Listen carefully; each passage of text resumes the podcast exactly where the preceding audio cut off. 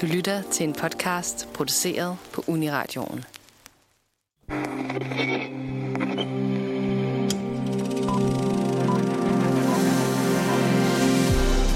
Den frie tør, den store biografbegivenhed eller den manglende kunst til at begrænse sig. De lange film kan give mange associationer, og i anledning af blandt andet den kommende Avatar-efterfølger, sætter Nosferatu sig i dag godt til rette og gør sig klar til at diskutere de film, der er over tre timer lange, for at finde ud af, hvor meget længden egentlig betyder. Velkommen til filmmagasinet Nosferatu.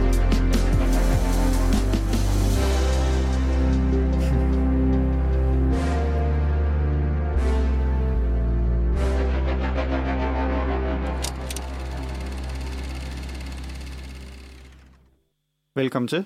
Jeg hedder Mathis, og med mig i dag har jeg Etienne Hej. og Amalie. Hej.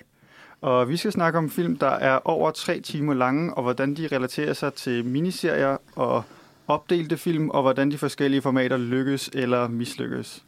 Det gør vi blandt andet ved at snakke om Apocalypse Now, Ringenes Herre, The Batman og The Irishman.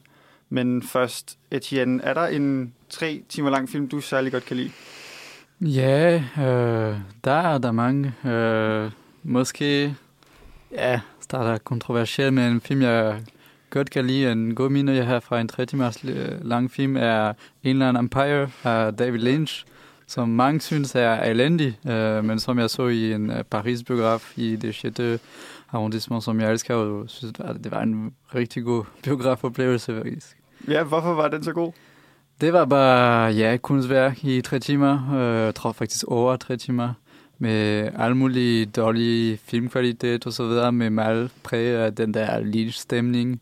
I meget mere end, end i andre af sine film faktisk. Mere end Mulholland Drive, mere end måske, ja, uh, uh, Wild at Heart, I don't know. Ja. Bare virkelig god David Lynch-film. Okay. Det lyder som en vild oplevelse. det var det faktisk. Har du en, der øh, siger noget specielt til dig, øh, Amalie? Øhm, ja, jeg har en, en tysk film, Ja. ja. øhm, som jeg også har set en del gange, selvom den er over tre timer lang, som hedder øh, Værk ohne Autor, eller den engelske titel Never Look Away. Mm. Øhm, som bare sådan for mig ramte altså bare alle de punkter af ting, jeg godt kan lide i film. Øhm, men jeg ved, at der er rigtig mange, som synes, at den er alt for lang. Men hvad, hvorfor synes du ikke, den er det? Jeg tror bare, at, at jeg var bare sådan personligt investeret i, i filmen. Ja. øhm, som bare altså for mig gjorde, at jeg synes, det var rigtig sjovt at se. Jeg kan meget godt lide, at vi starter med meget kontroversielle øh, meninger her. Hvad med dig, øh, Mathis? Har du en øh, Jamen, øh, tre timer film, du godt kan lide? jamen, jeg så øh, Drive My Car i foråret, Oh. og det synes jeg også var en virkelig fed oplevelse. Altså, den er lang, men Hmm. der kan jeg godt følge det der med, men jeg var bare investeret hele tiden. Har I også set den? Jeg har ikke set den, Nej. men jeg må indrømme, den er meget stemningorienteret også, ligesom den der.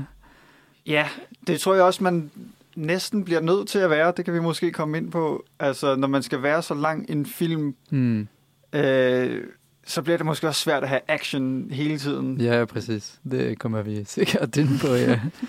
Ja, fordi det er lidt sådan et emne, vi har taget op, fordi vi synes, det er spændende, hvad der ligesom øh, sker lige for tiden med den Ja. lange film, og om den ligesom har ændret betydning. Hmm. Øh, fra, fordi når jeg tænker på lange film, øh, i hvert fald fra gamle dage, så er det tit sådan noget med, okay, den her kæmpe instruktør har lavet et hit, mm. nu får han lov til at lave lige præcis det, han vil, og så vælger han altid at lave en mega, mega lang og dyr film. Hmm. Ja. Men hvor nu synes jeg, at der kommer flere film fra sådan store selskaber, øh, altså hvor det ikke måske er en persons vision, men et stort samarbejde om at lave The Batman for eksempel, som vi skal snakke om i dag, eller nogle af Avengers-filmene, er de ikke også deroppe af? Er de, de er i hvert fald over to timer. ja. Oh, ja, det må de være. Jeg tror- Endgame er i hvert fald over tre. Ja. Ja, det tænker jeg må være. Og det er også det, ja. ja.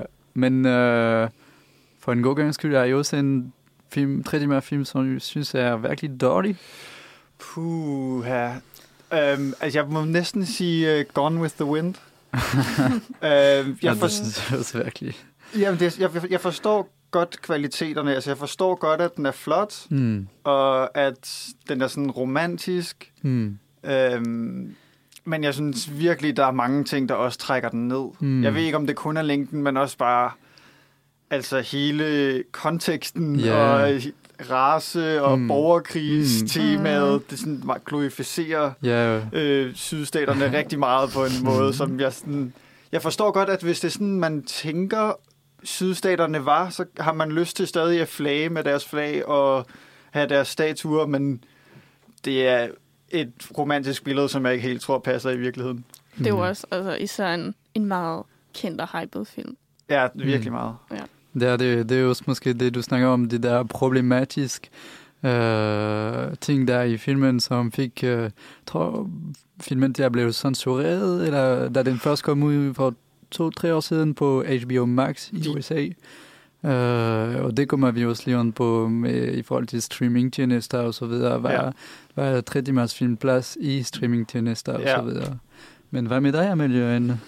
Mm, tre timer film, du synes er virkelig dårlig. altså, jeg sad lige og kiggede igennem dem før, og så den, der lige fangede mig, lige da jeg kiggede, var øhm, meget random, men et part to, øh, Okay. der kom Ja. ud. Og jeg tror, det var, fordi jeg også har læst bogen.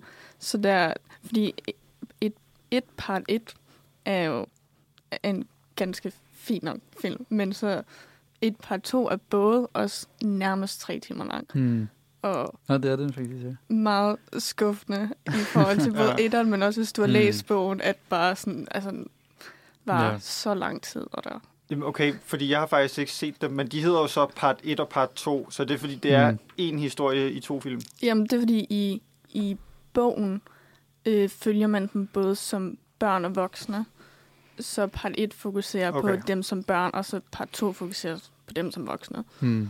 Så du også så serien fra, hvad er det, 80'erne eller et eller andet? Ja, det har jeg ikke. Fordi det er faktisk en meget god eksempel, fordi måske senere kommer vi også on på de der forskelle mellem Ja. uh, 3 timers film som saga, franchise og så serier og miniserier, der også er der i, det, i vores modernitet. Ja. Hvad, Etienne, øh, hvis du skulle nævne en dårlig tre timers film? Ja, øhm, det synes jeg er mange af, Ja. ja. 3 timers film, som er en dårlig. Uh, desværre, men uh, en jeg så lige for nyligt var den der Blond, som også er blevet lavet en podcast om i Nosferatu. ja. Uh, som synes jeg var bare elendig. Uh, okay. Virkelig uh, tre timers film, tre timers biopic, ja. Ja, ja. Som Ja. ikke er en ægte biopic, men om Marilyn Monroe Også og bare Andrew Dominic på Netflix, som er bare kontroversiel. ja, Film på mange måder. i tre timer kontroversialitet og problematisk scener med Anna de Armas. Uh, Ja. virkelig dårlig film, synes jeg. Ja. Ja. Men øh, således opmuntret, så lad os øh, tage et stykke musik og øh, snakke videre bagefter. Velkommen tilbage, og øhm, lad os prøve at finde ud af, hvad det er, der kan gøre en øh, tre timers film god. Fordi øh, vi har jo fået understreget, at, at det er en svær kunst, altså at skulle have folks opmærksomhed i så lang tid, uden at spille tiden. Men øhm, hvad, Etienne, har du en teori på, hvad man har brug for, for at kunne lave en tre timers lang film? Ja, men det første, jeg tænker, når jeg tænker tre timers film, det er først og fremmest det er instruktørens valg. Fordi hvis du har virkelig lyst til at lave en tre timers filmproduktion, så er det virkelig, at du, du har lyst til at fortælle din, den der lange historie. Uh, og så kommer jeg selvfølgelig at tænke på det første Francis Ford Coppola's uh, Apocalypse Now. Så er jeg måske det mest, ja, yeah, det instruktørmæssige, ny Hollywood og så videre, tre timers film, der er kendt. Um, og ja, måske mere den der direktørs, uh, directors uh, valg, uh, at du vil lave den der film uh, så langt, så du, det gør du bare. Uh, hvad synes I kunne være en, en ting? Har I set uh, Apocalypse Now? Ja, det er jo altid det med, hvad for en version har du set? Nå, ja, faktisk. men, men faktisk, ja, det, det er faktisk den der problem med versionen, at det, der er den der, der, jeg tror, nu er der tre, er det tre? Ja, Tre eller fire. ja. ja og der er et par stykker i hvert fald. Jeg tror, der er the Cinematic Cut, Director's Cut, Redux Ja. og Final Cut. Nå, ja, Final Cut, ja, fordi det var det, jeg tænkte, at øh, det var i 2019, at jeg Mm. afslørede en ny version, en biografversion faktisk, hvor det skulle være øh, virkelig god lyd og så videre. Mhm. Men jeg kunne se den der Redux, Redux som er virkelig lang. Jeg tror, den er næsten fire timer. Mhm. Uh, og når jeg tænker ja, fire timer film, jeg tænker også på den der nye uh, Snyder Cut uh, Justice League. Så det er også de der fire timer Ja. film er virkelig lang, men det er også meningen, det skal være så lang, fordi instruktøren har valgt det næsten. Ja, altså der er også forskel på et fire timers director's cut og en fire timers øh, Ja. theatrical eller Mm, mm, directical. mm.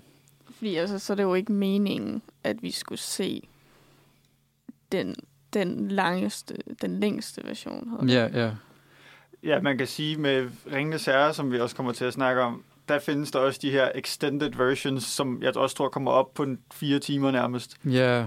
hvor dem har man strengt taget ikke brug for det meste, der er med i dem.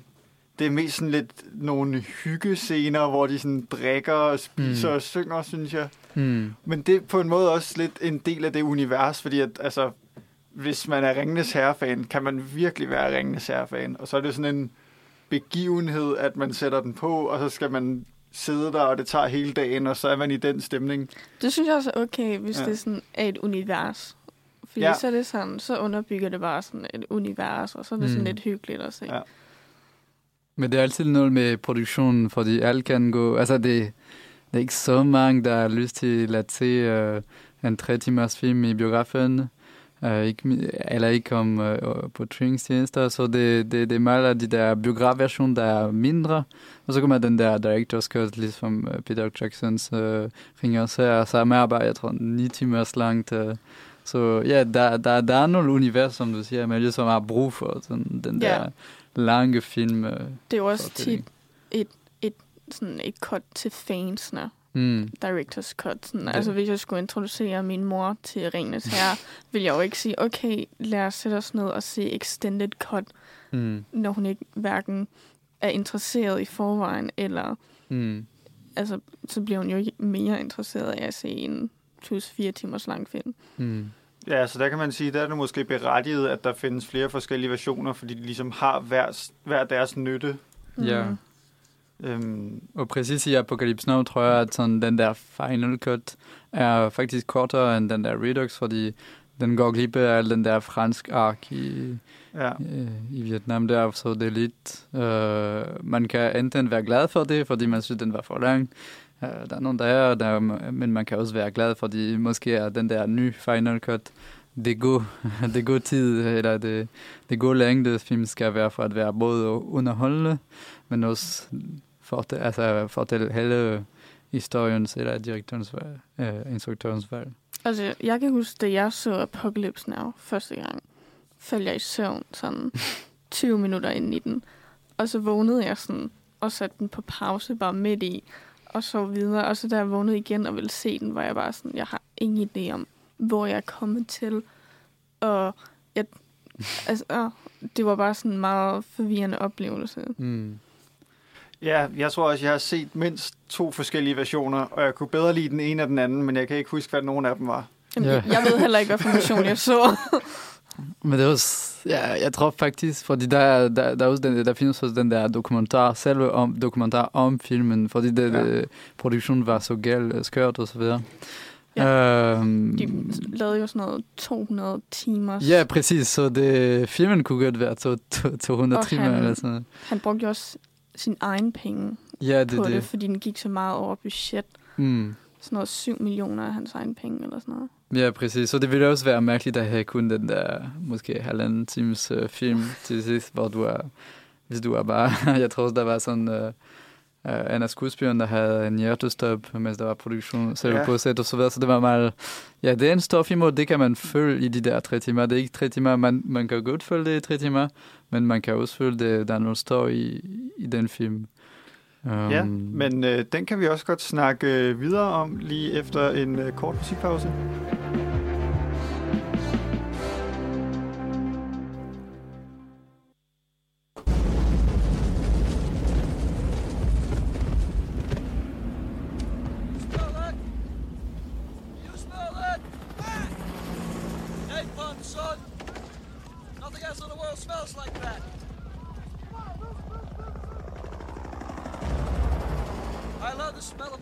Morning. Ja, måske det mest, øh, eller i hvert fald et af de mest kendte citater fra øh, den lange krigsfilm Apocalypse Now, øh, som vi allerede har taget lidt hul på, men for at få styr på fakta, når vi skal bruge den her som øh, et eksempel på en film af varierende længder, men øh, i hvert fald nogle af versionerne er rimelig lange, så hvad, hvad, hvad kan man sige om... Øh, Apocalypse Now grundlæggende for at få styr på, hvad der sker i filmen, Etienne? Ja, men det, det, det er præcis den historie om, uh, hvad det, Martin Sheen, der skal så lede efter den der kolonel, uh, hvad det, kolonel uh, Colonel Kurt, Kurtz? Kurtz, ja, Kurt. som er bare blevet skørt på grund af krig, uh, og som er spillet af Marlon Brando. Uh, så kæmpe cool film med de to, og selvfølgelig en, uh, en af de mest øh, nye Hollywood-drevede øh, film med kæmpe produktion af Francis Ford Coppola. Øh, men historien i filmen er selve vigtigt, fordi det er en historie om krig, det er en historie, der fortæller os om øh, kun, øh, alle de der soldater, men jeg vil sige, jeg ved ikke, hvad I tænker, men det er måske det, der er omkring historien i de der tre timer, der er næsten vigtigt vigtigere end øh, det, der bliver ja, selve historien, det, der bliver fortalt. Det er alle de der, for eksempel i, i, i den der lydekstrakt, så har vi jo den der helikopterlyd, som kommer tilbage og tilbage. Øh, der er en tidspunkt, hvor Martin Sheen er i, i sin soveværelse, og bare det, at han ser de der... Øh, øh, på loftet. Øh, Ja, øh, en ventilator, der kører rundt og ja. rundt. Og så lige pludselig bliver det til en helikopter. Og så er det, og det er bare alle de der lille kommentarer, filmisk kommentarer på krig, som bliver udspillet i tre timer, som er meget vigtige. Ja, hvad tænker du om det, Amalie? Ja, øhm, altså, ja, det tror jeg også, fordi jeg kan egentlig ikke huske sådan specifikt særlig meget, der sker mm. i filmen, men det er mere bare sådan det store indtryk, Ja, den ligesom giver, at film også er, at den handler jo om Marlon Brandos karakter, som er, er blevet sådan skør af krigen. Øhm, og det er vel også en sådan kommentar på krig. Altså, hvad er det, Vietnamkrigen her? mm. Ja. Ja, men det er jo, og man kan bare se, hvor skørt det er på det klip, vi har brugt, hvor der bliver sagt, øh, jeg elsker lugten af napalm om Mm. morgenen. Øh, lidt øh, mærkeligt sagt. Der tror jeg, man skal være lidt Ja. krigsskør for at få sig selv til at sige det. Ja. Og jeg synes egentlig også, at Martin Sheen igennem filmen er sådan på kanten mm. af at være skør, og Ja, der er den der indstilling, hvor han kommer ud af vandet, som er, er, er mange af plakaterne har brugt, som er bare iconic. Øh, og det, det, det er alle de der lille ting, som gør filmen øh, så stor en, øh, film i filmhistorie måske. Man bliver også introduceret til øh, Marlon Brandos karakter sådan lidt underligt. Sådan, man hører om ham rigtig meget, mm, og så mm. når man endelig møder ham, er det sådan i sådan et mørkt rum, eller sådan noget, Ja, præcis. øh, hvor, hvor man er sådan lidt, hvem, Ja, hvem er det du? her? Sådan, det er jo bare sådan legenden om Mm. Kurtz. ja, den er jo baseret på et øh, forlæg, en øh, novelle af Joseph Conrad, Mm. øh, som skrev den Nå, bog. ja, det er rigtigt. Den hedder Heart of Darkness, Ja. Mm. hvor jeg så også tror, at den øh, dokumentar, der så efterfølgende er kommet ud om produktionen af øh, Apocalypse Now, også hedder Hearts of Darkness. Mm. Nå ja, ja. Ja, og det er jo så i, i, i bogen, der er det jo så i Kongo, men stadig, hvor at man sejler ned ad en flod Mm. og kommer dybere og dybere ind i ligesom imperialismens og kapitalismens mm. onde sjæl, indtil man møder ham her, Kurt, som ligesom er symbolet på det hele, og hvordan den her besættertrang og udnyttelsestrang bare har gjort ja. samfundet, hvis man kan gi- kalde ham et billede på det skørt. Ja. Og ligesom også trækker det med Vietnamkrigen ind i det samme billede af sådan vestlig imperialisme. Det var sjovt, at man kan bare sådan udskifte øh, omgivelserne og stadig få sådan nogenlunde det samme mm. ud af filmen, fordi at, at i så mange sådan krigsfilm handler det også bare om det sådan mytologiske om en film, Mm. og ligesom koble lidt til øh, nogle sådan ting, der sker for os Mm. stadig, og i andre krige. Så det handler egentlig ikke så meget om, hvilken film eller hvilken krig, men bare, at det er en krig. Ja, helt sikkert. Altså, jeg synes virkelig, den både handler meget om krig og sådan galskab. Altså, og det er også derfor, jeg synes, at det ikke gør noget, at man ser en af de lange versioner, fordi det er ligesom også... Jeg synes, det virker bedst, hvis man også selv føler sig lidt skør, eller sådan... Mm. Der er ikke logik i alting. Der er nogle sidespor, der ikke rigtig bliver til noget. og Sådan, de oplever bare mærkelige ting på vej ned ad den her flod, hvor de sådan... De, der er et, et eller andet danseshow for nogle amerikanske Ja. soldater, og der er det her fra klippet, hvor de skal surfe, øh, og så er der nogen, der skal, de skal bombe en hel strand for at få lov til at surfe, og de Ja, har det her ja. helikopterangreb, hvor de hører Mm. Wagner, musik, præcis. hedder det, Valkyriernes øh, march eller sådan noget. Altså, det er bare så meget over mm. the top. Altså sådan, så det kan godt ligne en actionfilm, men jeg synes mest af alt, det er en syret film. Altså, Mm. det er sådan en... Man flyder lidt bare ned ad den der flod i en tilstand af bare at opleve mærkelige ting, der tester ens øh, sind. Ja, præcis. Fordi jeg kommer lige at tænke på, på en anden krigsfilm, som er slet ikke en tredimensionsfilm, heldigvis. Uh, men det er den der 1917 fra Sam Mendes, som Ja. er virkelig den der, altså, hvor du siger sådan, den der flydende oplevelse på floden. Så det er også en flydende, det er en one take, det er sådan en meget flydende oplevelse, men det er slet ikke det samme. Uh, uh, her er det meget mere, det, er også det handler mere om omgivelserne, men det er meget sådan, vi, vi følger en karakter og så videre. Men her er det slet ikke det, det, det, det samme måde at følge en karakter på, uh, hvor det er en one take, super fedt one take af Richard Dickens, men hvor det i, i Apocalypse Now får du alle mulige unødvendige ting i forhold til historien, men det er bare alt det, det er præcis det, der, der får dig til at blive skør ud af krigen. Altså, Du, du kommer i din biografsal for den der spark i, i, i ansigtet, og så kommer du bare, altså, jeg kan godt forstå, hvis du får hjerne, hovedpine af det efter filmen. Sådan, Ja, for du kan Ja. godt sige, at det er unødvendigt, ikke? Altså, man kunne måske godt klippe den ned til 15 minutter, ja, og du ville stort set have den samme handling, præcis. men det virker godt for den at være en lang film, Mm. fordi der er alle de der unødvendige ting, som så alligevel er nødvendige. Mm. Ja, og det putter også bare en i samme sådan headspace, ja. som de her karakterer. Mm. Vi snakkede lidt om, kom med de tanker om, øh, før vi begyndte, om øh, Pearl Harbor. Så der kan man altså også snakke om en krigsfilm, der føles meget lang, altså, Mm. og så også er over tre timer, men meget mere sådan følelsesporno, glorificerende, øh, en øh, Ben Affleck-film, hvor øh, han er på øh, den her amerikanske militærbase, der bliver øh, sprunget i luften, og han har en kærlighedsinteresse og så videre. Det hele er meget Mm. storslået og klassisk og amerikansk, men ja, fungerer ikke på samme måde. Og der kan man sige, at det ville måske hjælpe den at blive klippet lidt ned, men øh, Mm. jeg er ikke sikker på, at den nogensinde ville blive øh, lige så god som Apocalypse Now.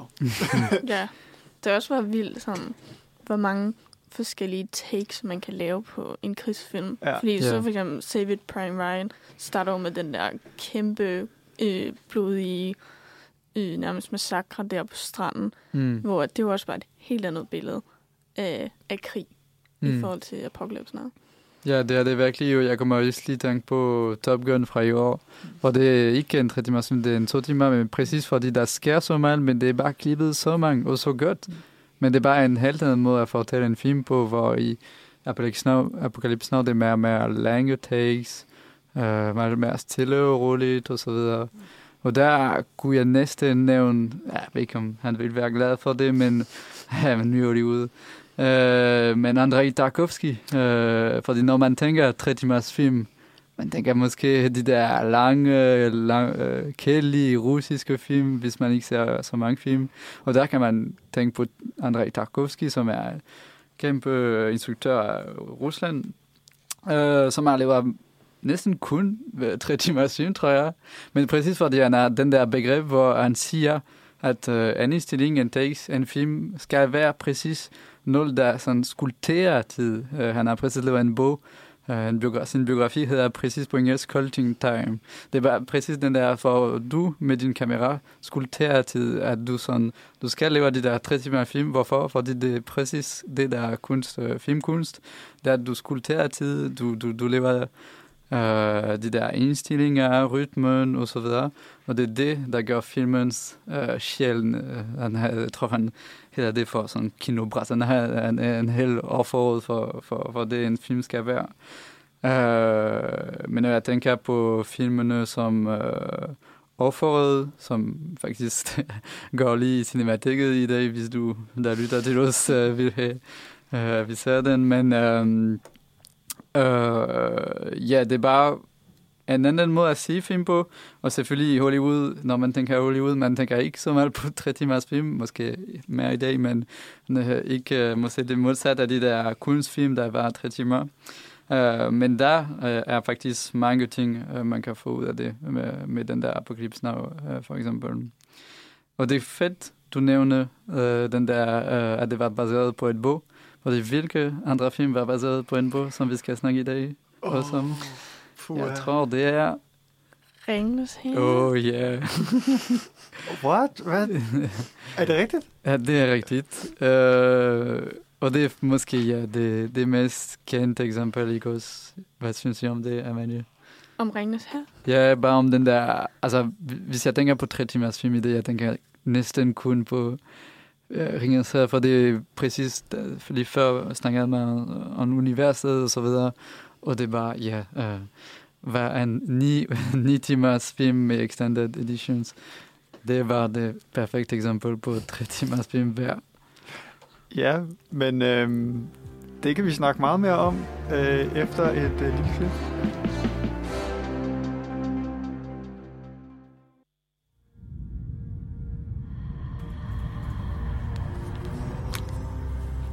Legend tells of a ring created by an ancient evil that gave its wearer the power to enslave the world.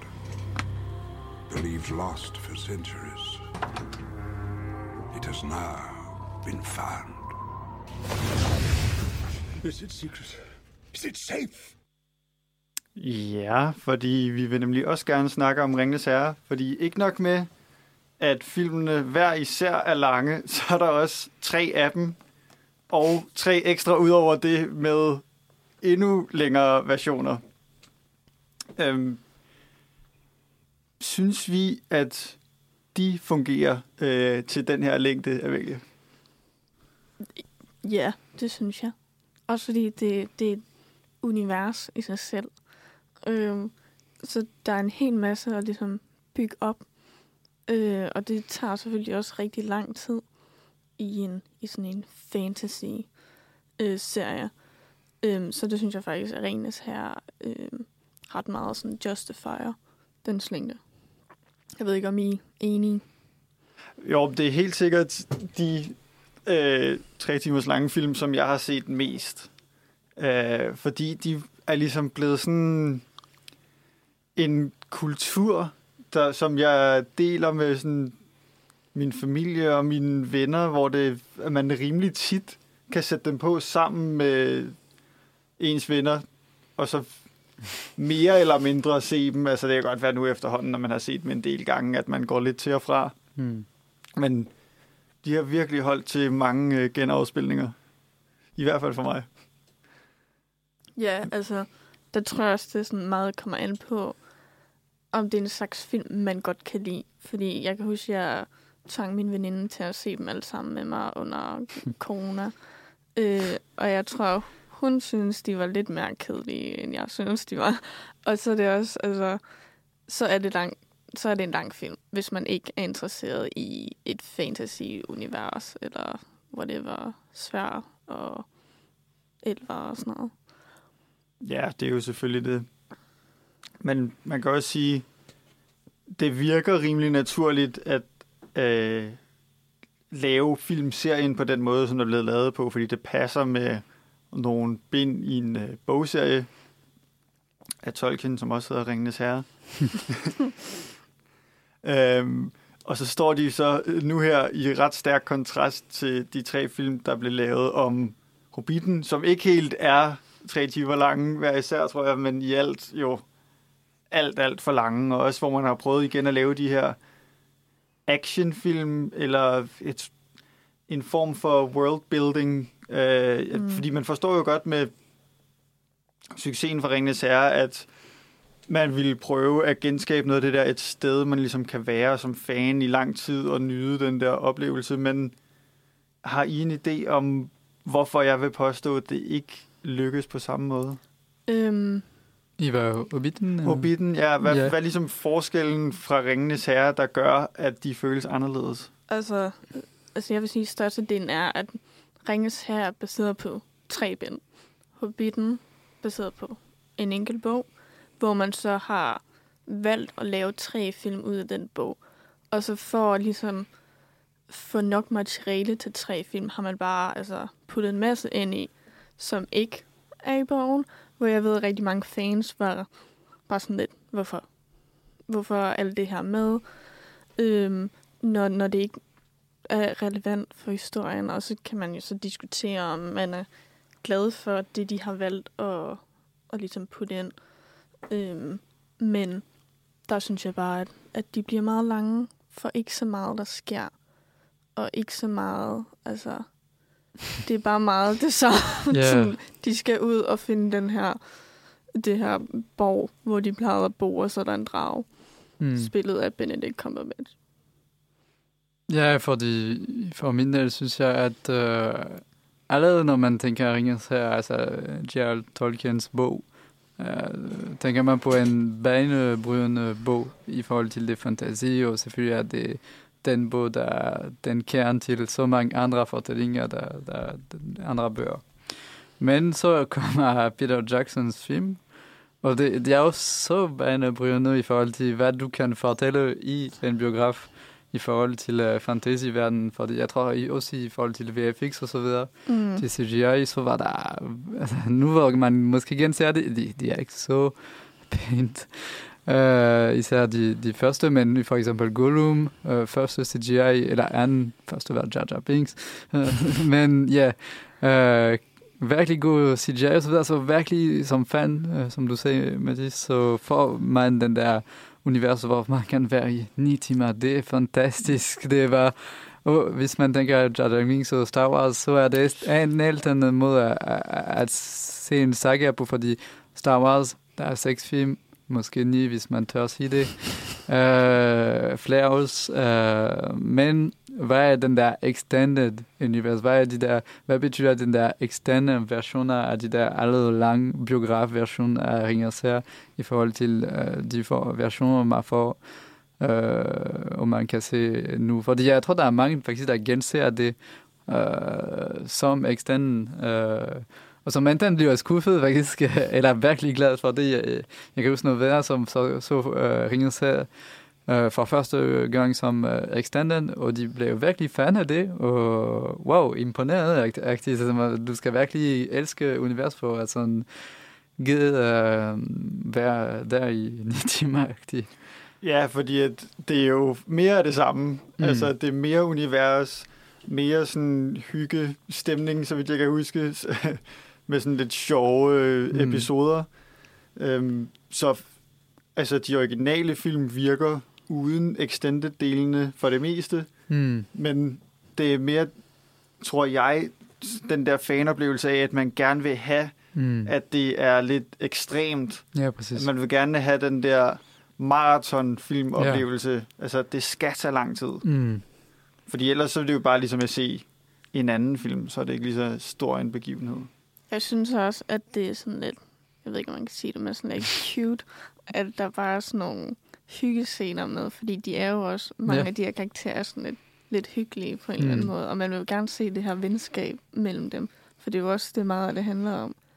Øh, at de sådan bliver venner, og Legolas og Gollum bliver venner, på, selvom de er fjender øh, og sådan noget. Så det, det synes jeg egentlig er meget, meget hyggeligt. Ja, enig. Og det er bare det med, i forhold til det episke fortællinger, at det er næsten, ja, ja, du skal, altså Ringens her er tre kæmpe bøger, så du skal have de der tre kæmpe film også, for at sådan kunne forstå alle universet. Alt det der med elfisk pro i filmene og så videre. sådan, der er nogle scener, som er er bare samtaler, men bare på elfisk i de der extended, så det er meget, ja, du skal virkelig komme ind i universet, og lige i forhold til måske sammenligningen med Star Wars-universet, man kan også køre en maraton på Star Wars-filmene, men det er måske ikke det samme. Tår, øh, du, du får efter at se de der øh, gigafilm, øh, når det er sådan kun øh, to timer film som Star Wars, når, end når det er ja, tre timer, tre, fire timer film som ringer og ser. Jeg kan, altså, det er ikke det betyder ikke også så meget, at, sådan, at det er så langt i forhold til uh, det emotionelle, du, uh, du, du putter i filmen og så videre. Så ja, god uh, tre timers spil i hvert fald. Meget god mine for det. Ja, men jeg synes, man kommer meget godt sådan med på rejsen øh, på en eller anden måde. Og sådan, mm. Jeg tror, det har hjulpet den til at, at få den kultdyrkelse. Ja, At det ligesom er, er den følelse, man kan få, også selvom man er en mere eller mindre casual mm. filmseer, så er det ligesom måske den lange film, man kender. ja præcis. Ja, og så at den handler jo om den her rejse, de tager. Mm. Og vi skal forstå, at det er en lang rejse. Ja, Og rigtigt. der, altså for så kan man snakke om for eksempel i, øh, i Game of Thrones, hvor at, at de havde kortere tid lige pludselig, og så lige pludselig gik det bare mega hurtigt, når de skulle fra et sted til et Mm. andet, hvor man var sådan lidt, øh, okay, i starten tog det en måned, nu kan hun flyve derhen på altså en dag, eller Ja. whatever. Øhm, men i Ringens Herre, så, altså, så forstår vi, at det er en virkelig lang rejse, de er ude på, og det er en virkelig hård, og der sker en masse og sådan noget. Jamen, og sådan verden føles virkelig Ja. ligesom i bøgerne. Altså, det har de jo også på side 1, et kort over den del af verden, vi befinder os i. Det synes jeg er meget sådan klassisk for de Mm. her fantasy epics, Ja, at det er vigtigt, at man kan forstå, hvor man er i den her fiktionsverden, ja. Ja. og hvordan rejsen ligesom er, hvor man skal fra og til. Mm. Og præcis de der kort får man også i filmen, det, når jeg tænker på Game of Thrones og så videre, så er det måske det, der er forskelligt. Altså, der er så meget respekt på bø- selve bøgerne i Peter Jackson øh, ringer sig, at du, sådan, du får de der pa- panoramic øh, over de der kort, som er okay. det var så virkelig en del af Tolkiens univers, som er bare filmatiseret på en meget respektuøs måde, synes jeg. Sådan. Ja, det er virkelig en god instruktør til at lave de her film. Altså med de steder, han kunne finde i New Zealand. Altså, ja. det er virkelig, når man ser det, tænker man bare, jamen det er Middle Earth, det her. Mm. Mm. Men der findes jo også andre film, som er blevet delt op, og muligvis også af andre grunde. Mm. Og jeg ved ikke, om man skal ligesom tælle dem som en historie, Ja. eller som øh, forskellige film, så de ikke rigtig tæller med her. Men de, jeg synes, de på en måde har de et ben her i, Mm. i lange film-kategorien.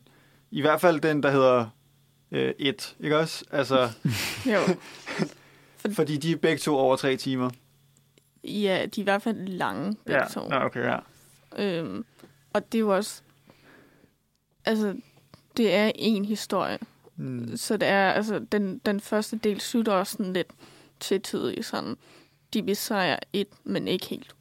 Ja. Så man er sådan lidt, nå, okay, hvorfor skulle jeg så se det her? Agtigt. Men vidste man, at da den første kom ud, der hed den bare et, ikke også? Det var Jo. ikke noget med part et. Den hed bare et. Ja. Ja. Men hvis du havde læst bogen, ville Ja. du vide, at, at der er en, en hel del mere til den her serie. Øhm, men det er også sådan en typisk øhm, franchise-ting, ligesom at dele en, en sidste film i en serie op. Ja, ja. Både mm. for, altså så kan man sige, er det for, at, at fansene har længere tid i det her univers, eller er det for, at vi som studier lige kan cash lidt ind. Ja. Mm. Øhm, fordi altså, der var jo lige sådan en periode, sådan, hvor da Harry Potter sluttede, de delte den sidste Yep. bog op i to film, og Mm. Hunger Games gjorde det, og Twilight gjorde det, og det var meget sådan lige sådan starten af 10'erne. -agtigt. Ja, fordi det var jo alle sammen kæmpe store, succesfulde filmserier, som masser af mennesker så i biograferne. Mm. Øhm, måske lidt sådan noget, som startede med Star Wars eller et eller andet, og så Ringenes Herre, Mm. og så Harry Potter med de her kæmpe store successerier. Ja, og altså dem, jeg lige nævnte, var jo også alle sammen baseret på bøger. Ja, Hvor der har så været en bog, hvor de tænkte, den skal vi dele op. ja det, hvor man, der måske bliver kogt lidt for meget suppe på et lille ben. Ja. Altså, og så vil jeg også sige, at, at når de så... Ja, altså, de koger for meget for den, fordi part 1 bliver rigtig tit altså virkelig svag. Ja, hvor man venter på, at de sådan Ja. snakker om, der kommer snart til at ske noget. Og Ja. så skal man vente med at se til den næste film, hvad der Ja. kommer til at ske. Og så, Ja. ja. så er det sådan, så, altså, for eksempel i... Jeg ved ikke, om I har set alle Twilight-filmene, men Jo. i, øh, Har du ikke hørt min podcast?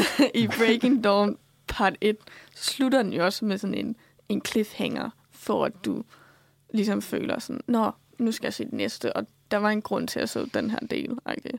Øh, selvom meget af første delen er bare sådan, hun er gravid, og det er dårligt, fordi hun er ved at dø. -agtigt. Mm. Øhm, og også i, i Hunger Games, den der Mockingjay part 1, altså der sker ingenting. Nå, ja, det er rigtigt. Det er en, øh, De laver bare sådan en propagandafilm, og så er Ja. man sådan, okay, og Peter er der ikke engang på det tidspunkt, hvor man er sådan, hvor er han? Øhm, og så bliver det bare sådan lidt langtrukket, og sådan lidt sådan, hvorfor? Tror du, man kunne forstå historien bare ved at se nummer 1, 2 og 4? Mm, I Hunger Games tror jeg godt. Ja. I Twilight tror jeg lige, man er sådan en lille smule forvirret. ja. Jeg tror, ikke, jeg tror, der er altid mange, der gør i forhold til biograf øh, versioner. Der, er- der er altid det risiko, man tager, når man laver de der opdelt øh, ja. film, at sådan, ah, kan man se den der, uden at se den første, uden at se det andet? Det er altid det der spørgsmål, du får. Sådan. Man må også forvente at sådan, måske tabe nogle fans ved at lave Ja, en præcis. virkelig dårlig part 1. Og så Mm. være sådan, men part 2 er virkelig god, så den skal I ind og se. Og så er der jo Ja. sikkert nogen, som er sådan, mm, Men at du nævnte et, fordi det synes jeg var virkelig det modsatte. At det part 1 var godt, synes jeg, at uh, Ja, i 2017 og, og så i 2019, 20 måske, at det var virkelig, der tabte mange øh, fans selvfølgelig. Um, Ja. Men der er i hvert fald, ja, du nævnte det, Mathis, øh, den der Euh, øh, trilogi, eller måske opdelt form af, euh, af filmene, saga, franchise, øh, som er kommet måske tilbage i, i tierne. Og man kunne godt øh, forestille sig, at, om, øh, præcis fordi man snakker om de der tre timers film, om de der trilogi kan ses øh, som en tre timers film, de der Øh, øh, øh, øh og hvad med, fordi vi, vi har lige snakket om, om Ringens her også, øh, om de der to film, for eksempel den nye Dune af Denis Villeneuve, øh, som kan jo se som en større film. Skal man se den som en større, en større enhed, eller er det bare Jeg to synes, film, der er forskellige? Det er det, det, jeg, jeg kommer lige til at tænke på, da I snakkede. Ja, fordi jeg synes nemlig også, at øhm, Dune, der så jeg part 1 Mm. mm. øh, sidste sommer eller sådan noget. ja, Ja. okay. Så jeg har det som om, jeg er på verdens længste intermission lige nu. Mm. ja, og det tror jeg, altså, jeg har, jeg har læst bogen, Ja. og jeg har Nå, ja. læst den, før jeg så filmen. så jeg tror, at hvis jeg ikke havde set filmen, eller læst bogen, ville jeg virkelig tænkt, altså, hvad Ja. sker der? Mm. hvad, hvad noget af det her, hvad det er relevant for. Fordi da jeg havde læst bogen, var jeg sådan, nå okay, så sætter de det her op, og det her op, og nu ved jeg, hvad der sker om lidt. -agtigt. Men her, så slutter den jo bare, og så er man sådan, der er jo ikke sket noget overhovedet, udover at de er spoilers, men altså, at han ligesom flygter fra Ja. det der sted, de er, og møder Zendaya. Ja, altså det er sådan en, som måske er den fed nok, når part 2 også er kommet ud, så hvis man har dem og vil se dem derhjemme, så giver det Ja, mening, præcis. når man kender historien. Men for mig, der bare tog i biografen uden at have læst dem, så er det sådan lidt, altså, Jo, den er, jeg forstår godt, at den er sådan flot, og der er nogle ting, der sådan er flot lavet. Mm. Men det er jo ikke en film. Det er jo ikke en hel film. Det er jo ikke en hel Mm. historie. Ja, men det er øh, virkelig griner, fordi det var præcis ikke det, jeg tænkte, da jeg så Dune, tror jeg, at det var virkelig, fordi jeg, jeg har ikke læst bøgerne, Mm, så du er ender, en du, ender, du ender kan spoile, fordi jeg kan huske alle mine venner, der havde set bøgerne, de, de, de, de, de lavede alle mulige kommentarer, da vi så filmerne, det var lige sådan, jeg skulle lukke ørerne, sådan. Ja. Ja. Uh, fordi selvfølgelig kommer bare så snart, og selvfølgelig afslører uh, slutningen. Og jeg har heller ikke set Lynch's film, uh, Dune, måske den sidste, den eneste film af Lynch, jeg ikke har set. Han er heller ikke så glad for den. Uh, men bare det, at det var så flot, ja, uh, og så godt et univers, synes jeg var rigtig fedt. Og selvom ja, uh, selvfølgelig er ikke hele historien med, og så videre, synes jeg, at ja, Dune-univers uh, øh, er næsten det, uh, Ringers her er til fantasy-univers, så er Dune måske til sci-fi, og altså alt det der med krydderier og så videre. Alt muligt, der, der der, er en univers, der er så rig, at det næsten kræver den der længere uh, fortælling, så Mm. det kunne være en, en, en, en fem timers film, men Denis Villeneuve har valgt uh, at dele den i to. Jeg synes også, det var en god valg. Eller, det, det var... Men der vil jeg også sige, at, at bogen er altså, virkelig langtrukken også. Mm. Og jeg forstod ikke halvdelen af, hvad der skete. Okay. Øh, så altså, hvis man får det indtryk af at se filmen, er det sådan, ja, det var sådan bogen er. Og jeg kunne bedre lide filmen, end jeg kunne lide bogen. Okay. Øhm, men så kan man så snakke om, altså, hvis man vil se Dune som sådan en standalone film, altså bare Mm. part 1, så er der jo også øhm, The Godfather, som også er Nå, en ja. part 1 og en part 2, Ja. og så en part 3. Øhm, hvor at, at der vil jeg sige, at de fungerer som alene film, mm. øh, og ikke som en film, der er delt op. Det er mere bare sådan tre episoder af hans liv, øh, ham Michael der. Øhm, det ved jeg ikke, er I, har I det på samme måde? Ja, jeg forstår godt, hvad du mener med, at det er nok også det, jeg prøver at sige. Men jeg tror, at Dune ender sikkert med at være et fedt filmisk univers, sådan et, et fedt samlet værk. Men lige nu, så synes jeg ikke, at vi har en episode i sig selv nødvendigvis. Det er også det er en af de der optagsepisoder, Mm. hvor jeg forstår godt, at de Godfather, der har de nogle Ja. forskellige arker, historiearker i hver Mm. film. Så de både virker, altså man kan se ja, præcis. dem hver for sig, og man kan også godt se dem sammen. Ja, og det er Ja. også det med Dune og Denis Villeneuve, at de har, tror jeg, allerede, og det var faktisk det samme øh, med Hobbiton der, at de har faktisk skudt øh, filmen, altså toren og træeren i Hobbiton, og var øh, første toren. Altså, de er allerede i gang. Altså, de, er, de laver ikke noget de der fire års pause, eller hvad var det Mhm. med, med The Godfather 2 og 3, at det var sådan en øh, 20 år pause, eller Ja. et eller andet, så det... Altså, Ja. jeg tror, at toerne er fra 74, og så træerne fra 90 eller Nå, sådan okay, så meget mindre, men bare den der, der er så lang en pause mellem de to, at det er så fuldstændig anderledes produktioner. Ja, så kan man også Ja, sige, altså, var, var den planlagt, så hvis der er så lang tid mellem, fordi øh, altså, jeg ved ikke, hvor mange der lige sad sådan 15 år efter, og var sådan, hvornår kommer Godfather Ja. part 3? Det er lige det, jeg mangler. Ja, ja, jeg tror faktisk, der var mange, så blev de rigtig skuffede, selvfølgelig, fordi det var så... og det var, det var ikke en reboot, men det var næsten en reboot, på grund af, at det var så... Ja, øh, så langt efter-agtigt. Det synes jeg også er lidt sjovt nu her med Avatar, som øh, kommer næste måned. Mm. At der synes jeg, at den første film er jo egentlig en komplet historie. Så det er også lidt sjovt at kalde den næste Avatar part 2. Kan du forstå, hvad jeg mener med det? Ja, ja, ja. ja. Der vil jeg også sige, at jeg er måske lidt kontroversielt en, en Avatar-hater. Øh, Uh. Men ikke fordi, at jeg synes, at den første var dårlig eller noget, men mere bare fordi, jeg er så træt af at høre om Avatar. altså, fordi den her Avatar 2 har jo været i gang i sådan, hvad, 10 år eller sådan noget. Ja, Ja. Og den er, hvert år har de været sådan, nu kommer den ud, og så kom den ikke ud. Og så nu kommer den ud. Mm. Øhm, og jeg er bare sådan, altså, kan du ikke, du kan jo sagtens lave noget andet, James Cameron. Altså, jeg, jeg er så ligeglad med Avatar part 2, øh, i forhold til, altså, etteren var en historie i sig selv, og den, på det tidspunkt, den kom ud, var det jo sådan virkelig sådan, wow, se alt, hvad vi kan lave, og se, hvor flot det er. Og nu har vi set mange andre ting, der var flotte og store værker og whatever. Øhm, og jeg tror bare, at altså, der vil jeg sige, at vi som et samfund skal ligesom komme videre fra Avatar. øhm, og bare ligesom også, altså jeg gider slet ikke at se en 3'er og en 4'er og en 5'er, som de har planlagt. Der vil jeg sige, Mm. det, der, der skal I stoppe. Nej, det, altså jeg tænker, at det må være noget ligesom til fansene, at det igen, at vi i noget world building, noget univers, hvor man skal sidde og ligesom være en del af det og elske det som fans, Mm. et, et, ringenes herre-tema. Men er der så mange hardcore Avatar-fans? Er det ikke bare sådan en, hvor vi alle har set den og sådan, jo, den var meget god. Ja, jeg tror faktisk, der er ret mange. Jeg lavede jo en... Og der kommer øh, til at være mange mere end nu, desværre for dig, Amalie. Jamen, jeg håber, jeg håber lidt, at den er dårlig, og den så flopper lidt, og de så ikke laver de næste film. Jeg lavede en podcast om Avatar for et par måneder siden, hvor at jeg fik indtryk af, at de lever sådan lidt i skyggerne, Avatar-fans. Mm. Nå ja, De kommer ud snart.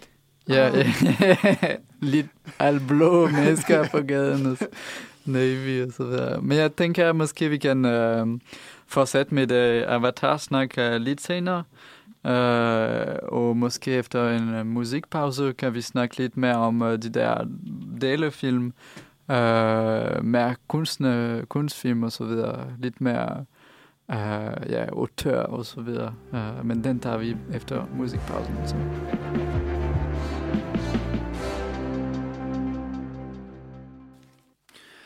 Ja, for måske lidt øh, modsat af Avatar, er der også en lang tradition for... Ej, vi skal heller ikke øh, være for ond mod Cameron, men øh, der er i hvert fald en tradition, påstår vi, for at nogle af de store auteurfilmskaber også kaster sig over den lange tre-timers film.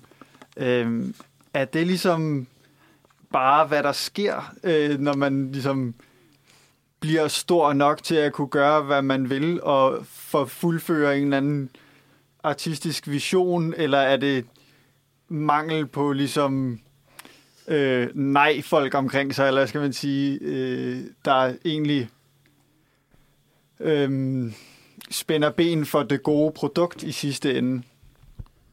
Hvis I forstår, hvad jeg mener. Ja. Altså, jeg vil sige, at der er rigtig mange instruktører, som allerede har sådan en kult following, øhm, som får lov til at, at bare gå amok. Øh, fordi at, altså, man ved, at folk vil se det, og man ved, at, at, altså, at de ligesom på en eller anden måde har styr på det. Øh, og så er det ligesom bare sådan, hvad folk så selv synes efter. Fordi altså for eksempel, min far hader det. Øh, og er virkelig sådan en, altså alle, alle kunstnere skal have en revisor-agtig. Øh, Ja. øhm, men ja, altså, fordi det er jo virkelig sådan mange af de samme instruktører, som laver virkelig lange film. Altså sådan, Tarantino laver mange lange film. Øh, Scorsese laver mange lange film. Øh, og det er jo ikke bare sådan en enkelt gang, det er sådan hver gang. Øh, men jeg vil også sige, det viser en eller anden form for, altså at, at studiet stoler på instruktøren til bare at give dem lov til at lave, hvad de vil. Øhm, og det, man så ender med at se også, er det tætteste på, hvad instruktøren gerne vil lave, Mm. uden at se sådan et director's cut. Ja, jeg sidder og tænker på um, Once Upon a Time in Hollywood. Ja, det var det, jeg tænkte. Ja, den føles, Mm. synes jeg, en del længere end... Uh, jo, også Hateful Eight, den føles sgu også lang. Den så Ja. aldrig færdig. Nej, Men Once Upon a Time in Hollywood er ikke tre timer, den er to timer og 40 minutter. er? Men der, al den der Once Upon a Time øh, Ja, in America? øh, trop ja, i filmindustrien, der var sådan, der er alt muligt Once Upon a Time. Ja. Øh, og ja, in America, præcis, er Sergio Leone. ja. Og in the Øh, West? Yeah. Og in the West, ja. Så alle de der større forestillinger, der bare... Man kan sige, er mere kunstnerisk. Altså, man kan jo sige, jeg, jeg vil gerne sige, at øh, selvfølgelig er Cameron også øh, en kunstner, med, meget mere sådan øh, øh, Hollywood-baseret og så videre, fordi det, disse øh, sine film tjener så mange penge og så videre, så selvfølgelig har han lov til at, øh, det er ikke det der, sådan, det er min kæmpe kunstnervision, det er mere sådan, jeg har mit penge, altså jeg tror for Avatar 2, det er bare sådan, øh, han behøver næsten ikke, at øh, der er nogen, der kommer til at se den for at producere den, han har penge nok til det. Øh, så ja, men der er alle de der mere, ikke kunstnerisk, men alle de der større fortællinger, der virkelig vil fortælle os noget øh, om film øh, og om øh, noget større. Øh, og det er tit. Men det, jeg tænkte faktisk først var, øh, da jeg nævnte det før pausen, var øh, Lars von Trier og Nymphomaniac. Ja, Øh, Den blev delt op i to. problematisk, ja, film, men, men, men, men seks timer, øh, eh, hvis man ser det hele sammen. Er det for langt? Er det, nej, så har han delt det op i to. Øh, så interessant øh, mulighed for, altså, at du har den der større fortælling, som du deler op i to, øh, øh, for at fortælle noget mere kunstnerisk aktivt. Så ja, sådan, der, den der, det er næsten en once upon a time in uh, Charlotte Gainsbourg liv, eller et eller andet, var det, det, det, det er en stor film, delt op i to. Um, hvad synes I om det? Det er jo, altså, måske ikke mere, så meget mere kunstnerisk, men det er jo det samme med Kill Bill, hvor det er også en større uh, historie, Altså, jeg synes, der, der er forskel på en sådan en film, man bare siger direkte sådan halv-halv-agtig, ikke? Mm-hmm. Og så sådan en film, hvor man godt ved, at det er sådan en part 1 og en part 2, men ja. de, de hedder ikke direkte part 1 og part 2. Det er mere sådan to fortællinger, der hænger sammen, Mm, uden at være sådan en, en etter og en toer, men sådan, præcis. I don't know. Mm. Lidt, altså lidt ligesom sådan, øh, at de lavede Avengers øh, Infinity War, og så lavede de Endgame, men Ja. de kaldte den ikke Infinity War part 2. Ja, øh, men at de sådan valgte at sige, og det er to det, standalone Mm. film. Øh, Mm. For de kunne have sagtens bare lavet Infinity War part 2. Ja, det kunne have gjort det. Ja, faktisk. og det er jo også på mange måder bare Infinity War mm. part 2. Ja. Er det på grund af comics-verdenen, eller fordi den sidste nævnte du, der, der, der nævnte du Harry Potter-universet, hvor der er selvfølgelig uh, nummer 7, part 1 uh, og 2. Mm. Uh, Mhm. men ja, Avengers, jeg har aldrig tænkt på det, men det er faktisk, hvorfor er der part, uh, ikke part 1 og part Mhm. 2, det er lidt... Uh, Jamen, det ved jeg ikke, fordi der vil jeg også sige, at, at det er måske sådan et sjovt valg mm. at lave, når man godt ved, at så mange vil Ja. altså, automatisk sige, okay, så tegner ser part ja, 2. præcis. Okay. Og Okay. fordi den slutter Ja. på sådan en cliffhanger. Mm. mm. Øhm, men jeg synes også, det er meget fint at ligesom lave det som en, en standalone film, fordi Infinity War fungerer jo som en film i sig selv, hvor de så bare ender med at tabe, Mm. øhm, og ikke lave det til sådan en, en, en part etter, hvor de så ikke taber, men også bare Mm. sådan sige, det her er en film, hvor de taber. Ja. Ja, og så synes jeg også, det er jo interessant, hvordan de her filmiske universer passer sammen. Altså, det er jo både lange film, hvor man kan diskutere, om de er part 1 og 2, men også film, der hænger sammen i mange led. Altså, jeg ved ikke, hvis man skulle se alle de film, der var ligesom filtreret ind i hinanden med historier og karakterer, for mm. at nå til den sidste Avengers-film. Ja. Det er vildt mange film. Ja. Ja. Og det er ligesom også med til at viske stregen imellem serier og film en lille smule. Ja. Man kan sige, at de her film, de bliver jo i hvert fald ofte ret store biografsucceser. Mm. Også selvom de kommer på, det er jo så nu Disney, Ja. øh, rimelig øh, kort tid efter. Så er det ligesom om, at der stadig er det forhold, at serierne streamer man, Mm. men filmene Filmene. kan, Eller- kommer man ind og ser. i Eller, hvert fald lidt eller, ofte. ja. eller, fordi lige hvor vi nævner Lars von Trier, så, men Nymphomaniac, så kan vi jo også nævne Riget, Ja. øh, som er en, sl- jeg ved ikke, om I også føler det, men jeg føler, at det er både en serie, men det, er jo, det kan jo ses som en film næsten. Det, det, det er Mm. meget, jo, det, det vises på Flow TV, og du kan også købe DVD'er og så videre, men det, det, det er sådan de der, det måske man kalder i dag for miniserier, Ja. men du kan godt se det hele sammen. Øh, hvad, hvad er der, der er en otte episoder, eller de to første sæsoner. Ja. Øh, og så er der den nye, som øh, tredje sæson, øh, som også kan ses øh, som en slags stor film. Så måske en tre timers plus lang film. Øh, ligesom jeg kunne også sige, at øh, jeg snakker om en tredje sæson, som er Twin Peaks. Øh, tredje sæson, The Return fra 2017 af David Lynch, kan jo ses øh, som en hvad nu er, 18 timers film, øh, øh, som er ret, ja, det, det er ikke, jeg føler ikke, det er en serie mere, det, men, det er meget mere som en, øh, øh, som en større fortælling, øh, hvor episoderne, selvfølgelig er der den der Twin Peaks intro og så videre, men det, det hænger sammen. Øh, det er næsten ikke episoder mere, det er mere en den der større fortælling, som, ja, jeg synes, hvad synes I om Øhm, det? altså, jeg, jeg kom bare til at tænke på sådan modsat, at man også er begyndt at lave episoder af serier, der er virkelig lange.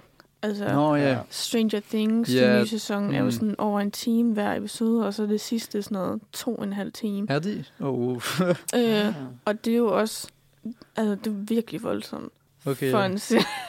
Ja, ja, ja. ja. Fordi, hvornår er det så en Mm. mm. film, og hvornår er det en serie? Når, Præcis. altså er det, for hvis det er tiden, der ligesom Mm. mm. man baserer det på, Mm. så, så det er jo, altså, Præcis. så, så tæller det jo ikke mere.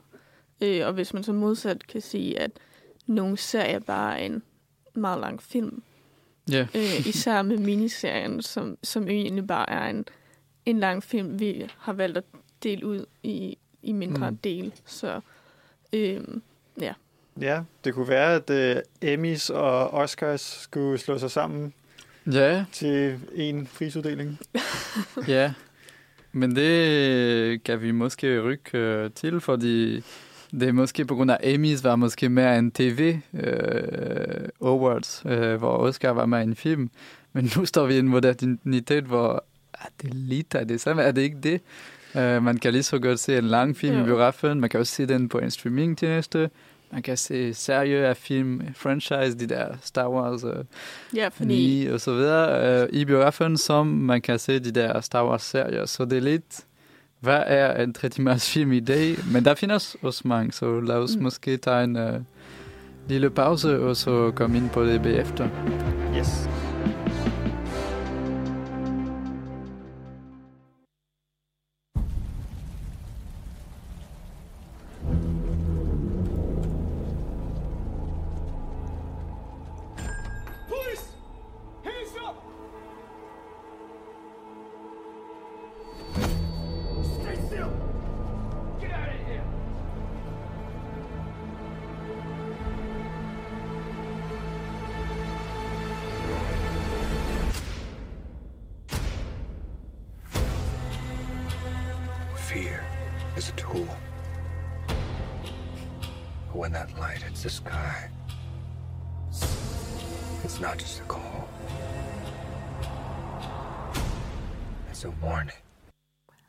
Ja, det var et øh, klip fra øh, Cringe øh, Emo Batman. Robert Pattinson i, i den nye øh, DC-film. Mm. Øh, som vi også tænkte på, fordi den er for det første øh, meget lang. Ja. Men så går den også lidt ind i det, vi allerede har snakket om nu, med at det er ligesom en, endnu en genstart af det her Batman-univers, kan man sige, som så får sine efterfølgere, eller sådan sequels i både film, tror jeg, der kommer en Batman 2, Ja, det tror jeg. øh, men også som serie, at øh, Colin Farrells Penguin, mm. der bliver introduceret i den her film, får så sin egen tv-serie. Mm. Så det udvander på en måde genrerne endnu mere. Ja. Mm. Men hvad sker der i The Batman? Uh. Der bliver spillet Something in the Way mange gange, Ja. i hvert fald uh, godt uh, mine, altså jeg, jeg husker ikke uh, sådan. Men ja, uh, The Batman uh, fra Matt Reeves, uh, som også har lavet den der Planet of the, of the Apes uh, trilogi. Ah, Uh, så endnu en eksempel på de der fortællinger, der var endnu mere sådan. Men uh, superheltefilm, øh, måske det mest moderne eksempel på, hvordan film kan blive lang, og film har brug for at være franchise. Og selve Batman, selvfølgelig er det den nye Batman fra Matt Reeves fra, fra i år, der er næsten fire minutter væk fra hver, hver tre timer, så vi kan godt sige, den er tre timer. Tror du, han har arbejdet på at få den op over tre timer? Ja, jeg tror, det var præcis, fordi han vidste, vi skulle lave den der podcast, Ah, ja, ja, at han er bare klippet af den der, de der fire minutter. Men øh, ja, vi kan også tænke på Nolans trilogi, for eksempel. Øh, men selvfølgelig på MCU. Øh, og bare det, at øh, der kommer mere serier, der kommer mere film ud af superhelte, fordi ja, det er bare, der er så mange, øh, der kan siges mm. omkring det univers. Øh, hvad synes du om det, Amalie? Øhm, ja, altså nu plejer jeg godt at kunne lide Marvel-filmene, mm. og jeg kan egentlig også godt lide superheltefilm, og jeg har set rigtig mange, både sådan gode, men også, altså, der er virkelig mange dårlige øh, superheltefilm. Øh, men så, altså heldigvis er The Batman en af de, en af de bedre. Mm. Øh, øh, dog meget, meget lang. Øh, øh, hvordan havde I det med længden af Batman? Jeg synes ikke, det virkede. Jeg sad i biografen og tænkte, nu kan vi se hjem. Nej, nu kan vi til hjem. Nej, Ja. nu er det slut. Det, den havde jeg også. Jeg kiggede på min ur og var sådan, nu må den da snart være færdig. Og så var der en time tilbage. Ja. Nå ja, det er rigtigt. Ja. Jeg, jeg kan huske, det var meget en modstridende oplevelse, føler jeg. Altså, der var, og det var måske på grund af præcis den oplevelse, mange havde med den der frustration der, at, uh, at filmen blev sådan så kult uh, fra sidste år. Uh, eller fra i år. Uh, ja, den Ja, er fra den er fra- 2022. For foråret, ja. Øhm, men først og fremmest vil jeg også sige, at øh, det skyldes en øh, produktionskaos. Det er en af de der corona-film, øh, Ah.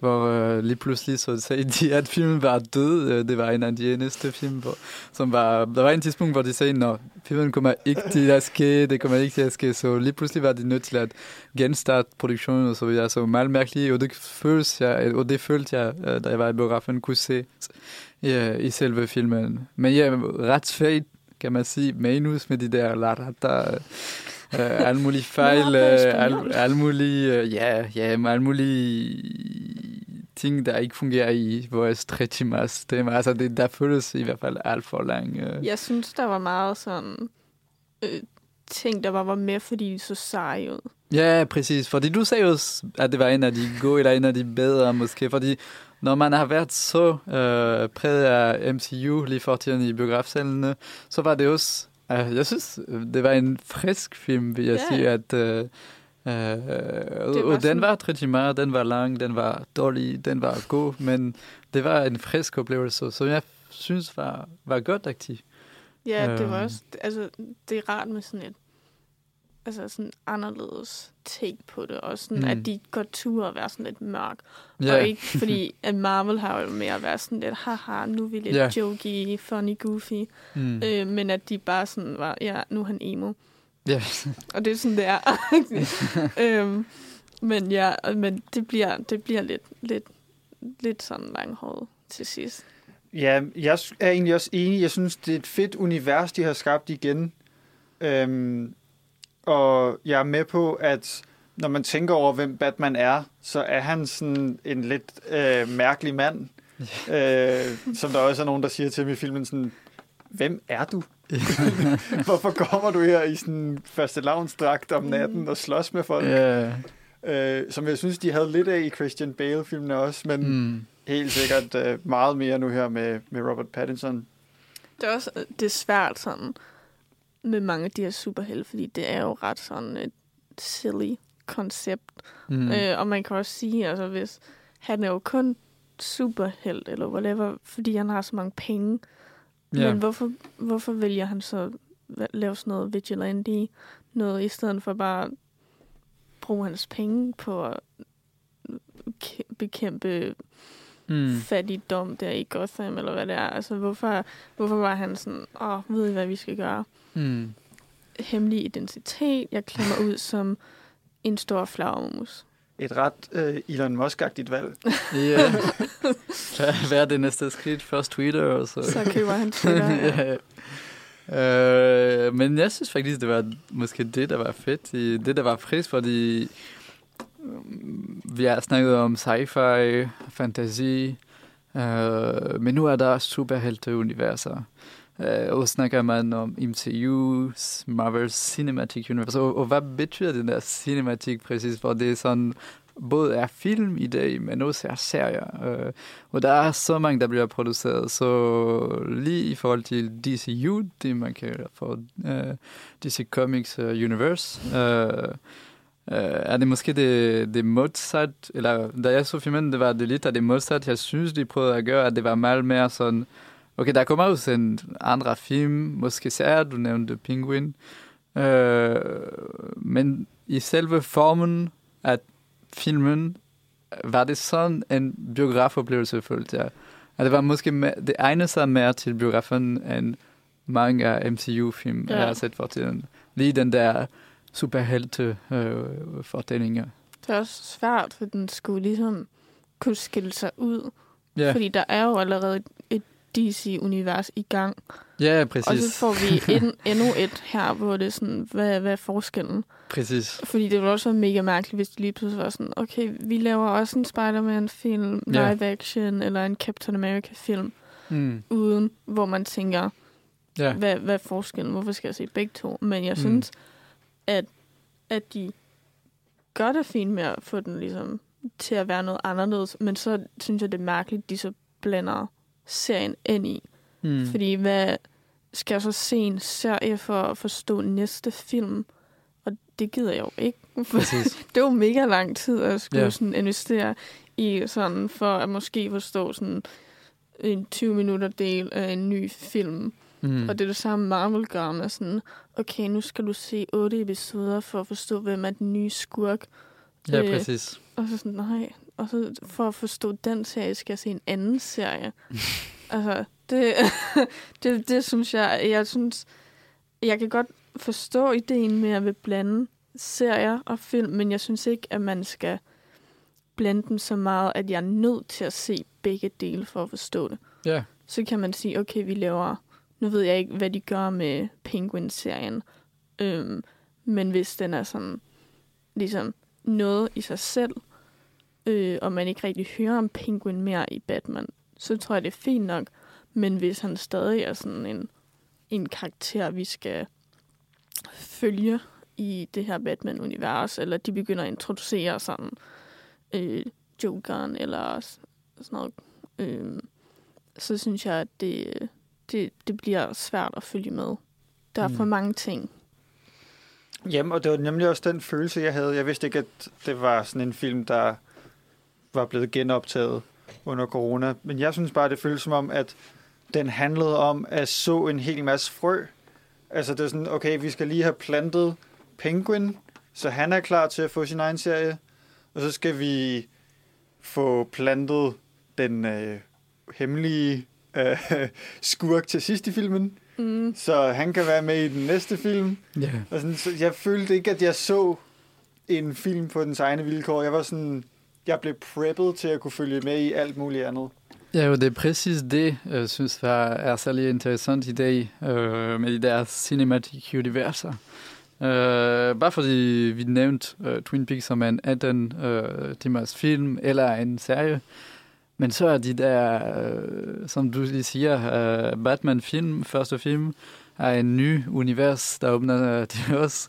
Og vi kan også øh, nævne, øh, og vi har nævnt det før, faktisk øh, Snyder Cut, øh, eller bare Justice League, eller der var en anden Batman i den der, øh, spillet af Ben Affleck øh, Ja. i den der DCU, før øh, Robert Pattinson kom. Så det var, ja, der er så mange, der, der er forbundet i, i disse film.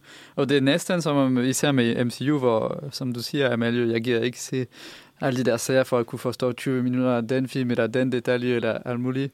At man, for at komme ind i denne univers i dag med Disney+, Plus, i hvert fald med Mm. MCU, så skal man se en, hvad, hvad er det nu? Måske, vi er måske, vi er måske nået så 100 timers film nu, øh, som er den øh, cinematic universe, som man skal have for at forstå en større fortælling. Øh, er I ikke enig? Øh, føler ikke det er sådan måske grænsen til øh, filmisk format i dag, at øh, man kan ikke... Øh, hvad, hvad er næste skridt? Øh, sådan, øh, Ja, hvis man skal tage det op til det, du nævnte med Tarkovsky, med at skulpturere tiden. mm, Det er som om, man aldrig får en færdig skulptur. ja. Den er altid i gang med at blive formet, fordi Ja. det, det er aldrig færdigt. Det er altid sådan noget, være klar til det næste og følge Mm. med. Og man ender ligesom med at have en slags kultur, der ikke rigtig er til stede i dens eget øjeblik. Den er altid på vej det næste sted hen. Ja, præcis. Og det er selvfølgelig kapitalis- kapitalistisk årsager, fordi det sælger Ja. ja. godt. Altså, tænk på biografbilletten, men tænk på øh, streamingtjenesters abonnement. Selvfølgelig er det en god forretning at køre alle de universer, for at det er en anden måde at se franchise på, en anden måde at se de der 3 timers øh, film, eller film delt op i flere episoder, på at du kan bare tjene alle mulige penge, fordi der kommer mere og mere og mere, og du skulpterer mere og mere den univers. Øh, altså, synes jeg er ret spændende. Det er jo også et smart trick at være sådan...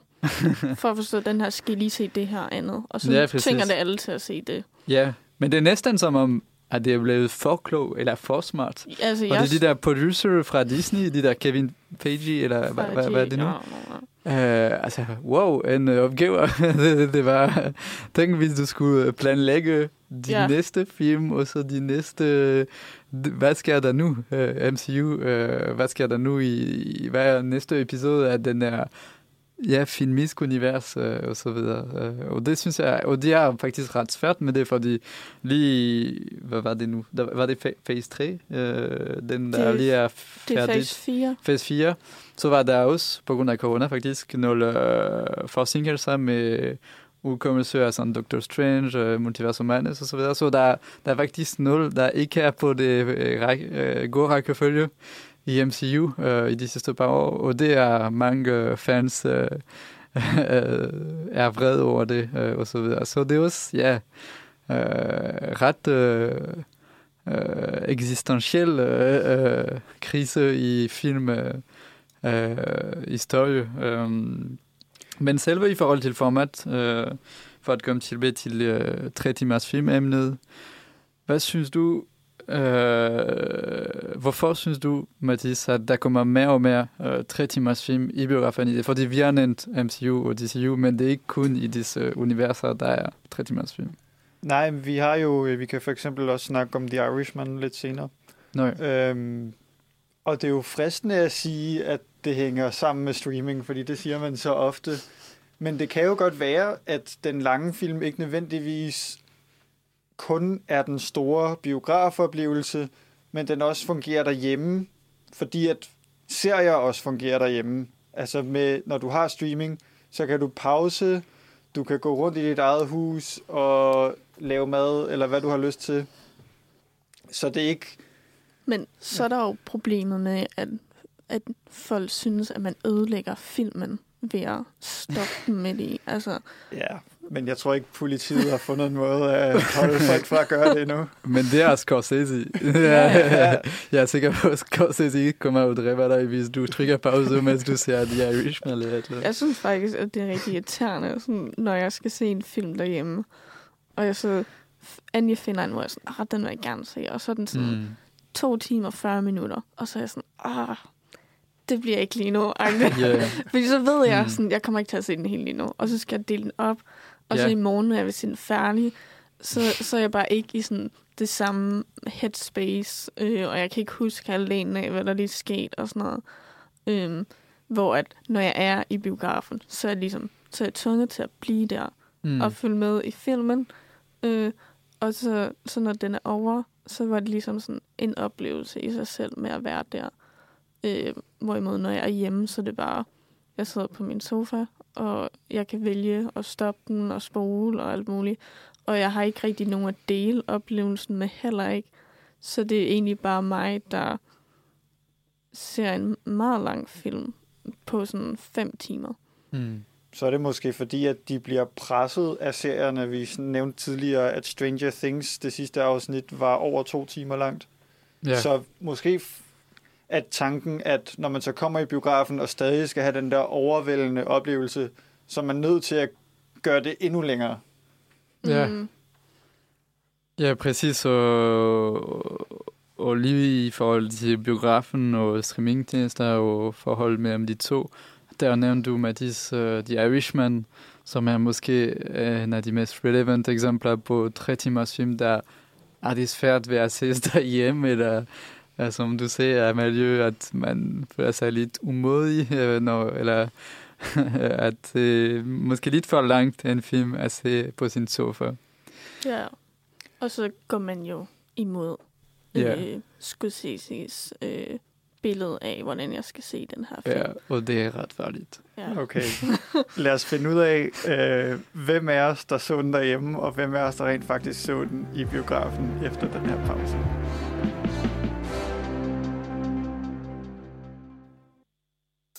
Frank Sheeran. Am I saying that right?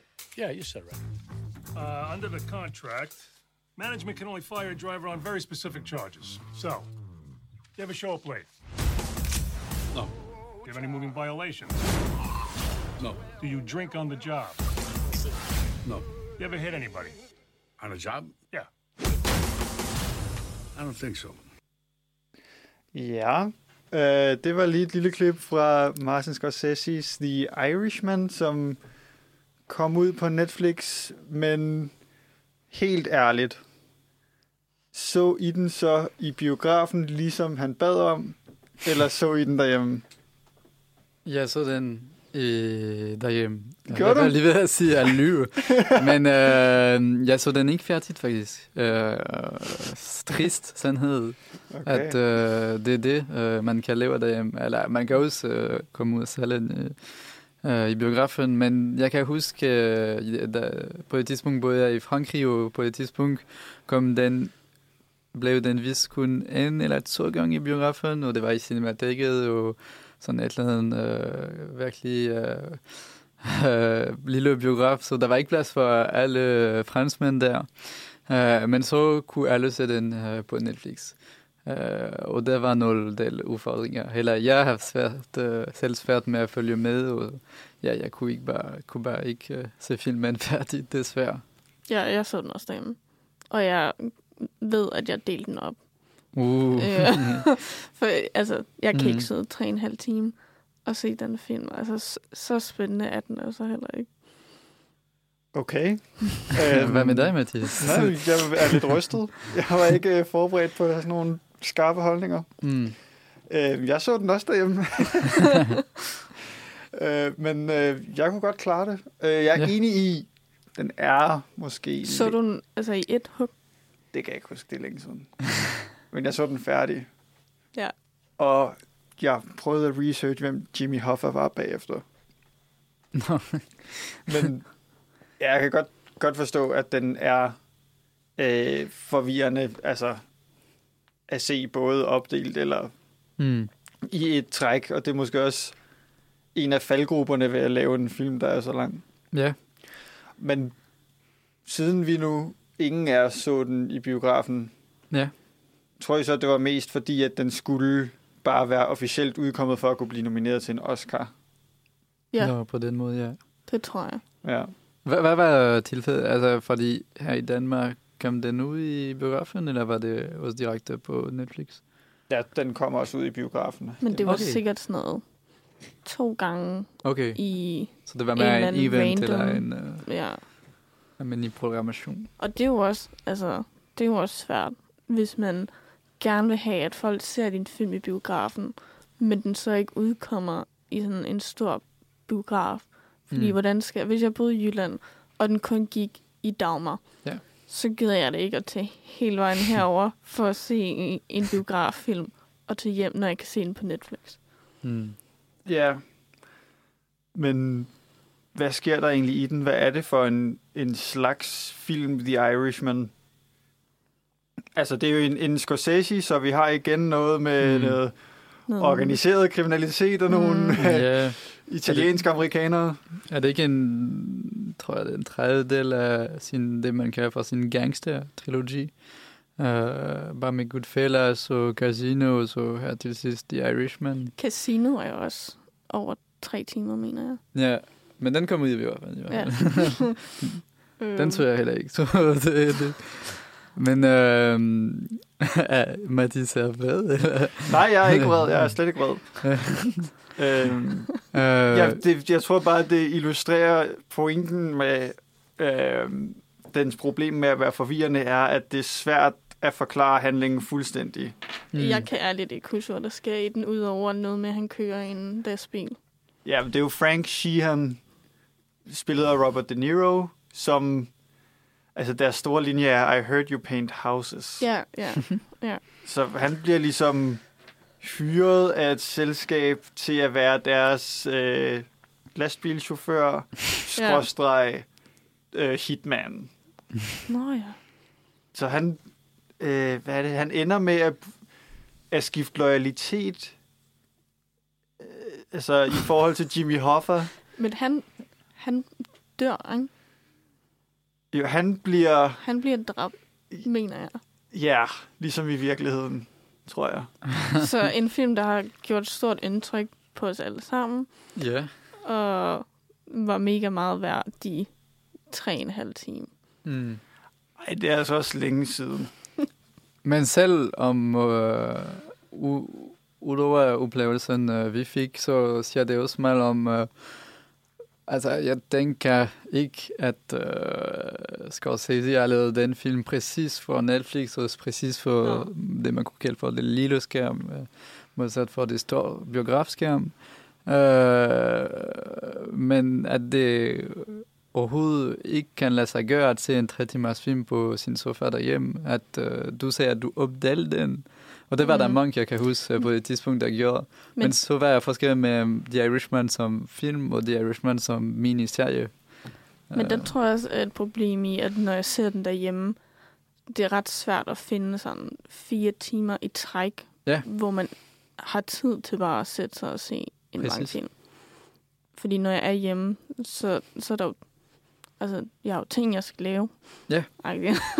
hvor at hvis jeg tager biografen, så planlægger jeg jo at tage i biografen. Mm. Men det er jo måske, altså, nu nævnte vi uh, de der lange Stranger Things episoder, men selvfølgelig er mange af seriers episoder uh, måske en time, uh, men i de ofteste uh, måske 30 45 minutter, så det er også det, uh, serier kan i forhold til formatet, som egner sig meget mere til at se den uh, derhjemme, øh, hvor man kan koncentrere sig på skærmen, det der sker i, i selve serien, alle mulige aspekter, men man kan også lave alt muligt andet, mens man ser filmen. Man kan kigge på sin telefon, hvis man ikke ser film på sin telefon.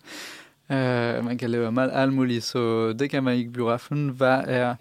Øh, er der virkelig en forskel mellem de to? Jo, der er, men hvad er, er forskellen så? Okay, præcis. Jeg tror, at Øh sådan mentalt, når man ikke er i sit eget hjem, er det nemmere ligesom at slappe af og acceptere, at man ikke skal lave alt muligt andet Ja. lige nu.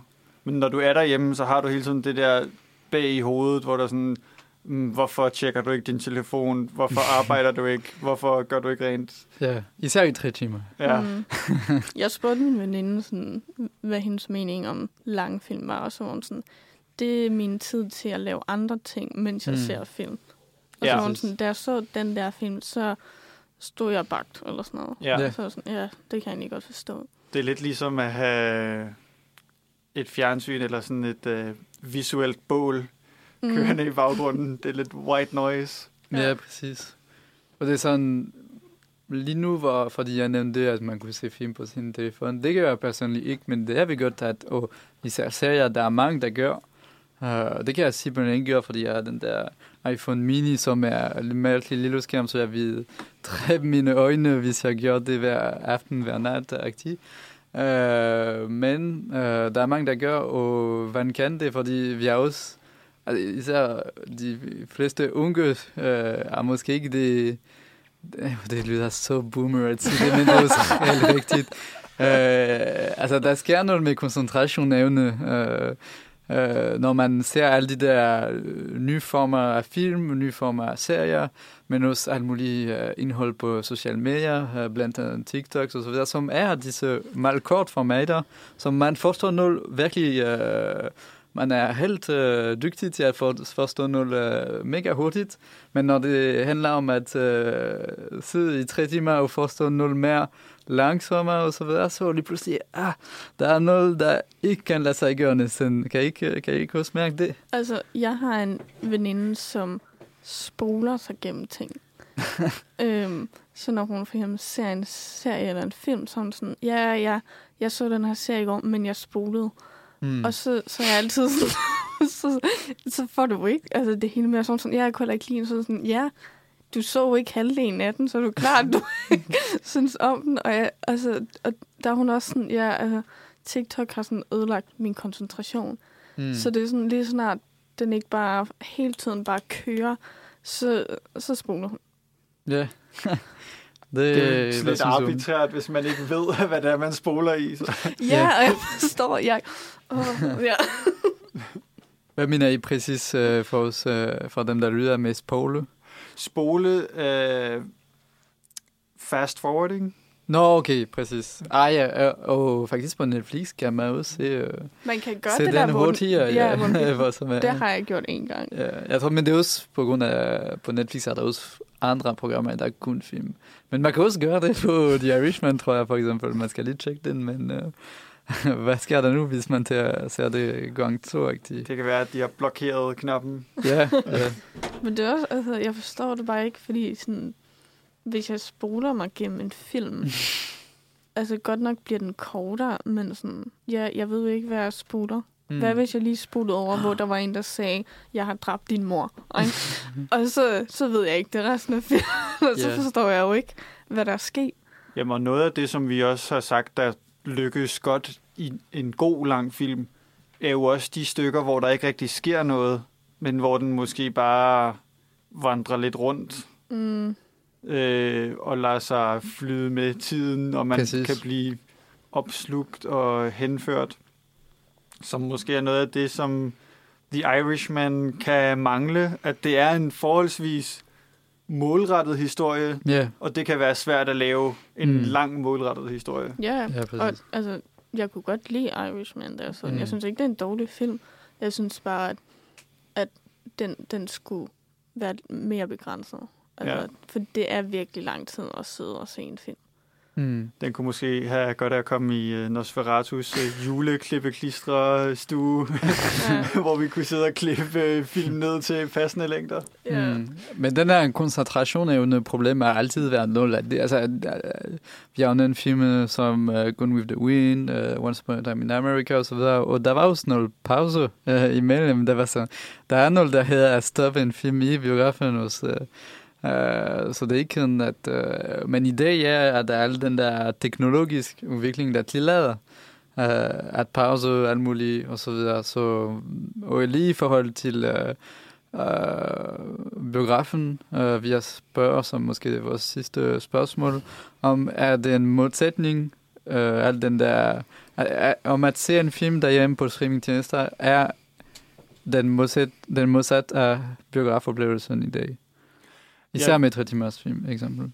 Jeg vil sige, jeg forstår i hvert fald godt, øhm, at når man er til pressevisning, så er der en del selskaber, der godt kan lide, at man ser dem i biografen. Ja. For jeg tror, når man skal lave sådan en anmeldelse, så går det op for en, at man får en anden oplevelse af at se på det store lærred med de ja. store ja. højtalere. Altså, øhm, hvor jeg kan godt forestille mig, at hvis jeg for eksempel skulle anmelde Avatar, mm.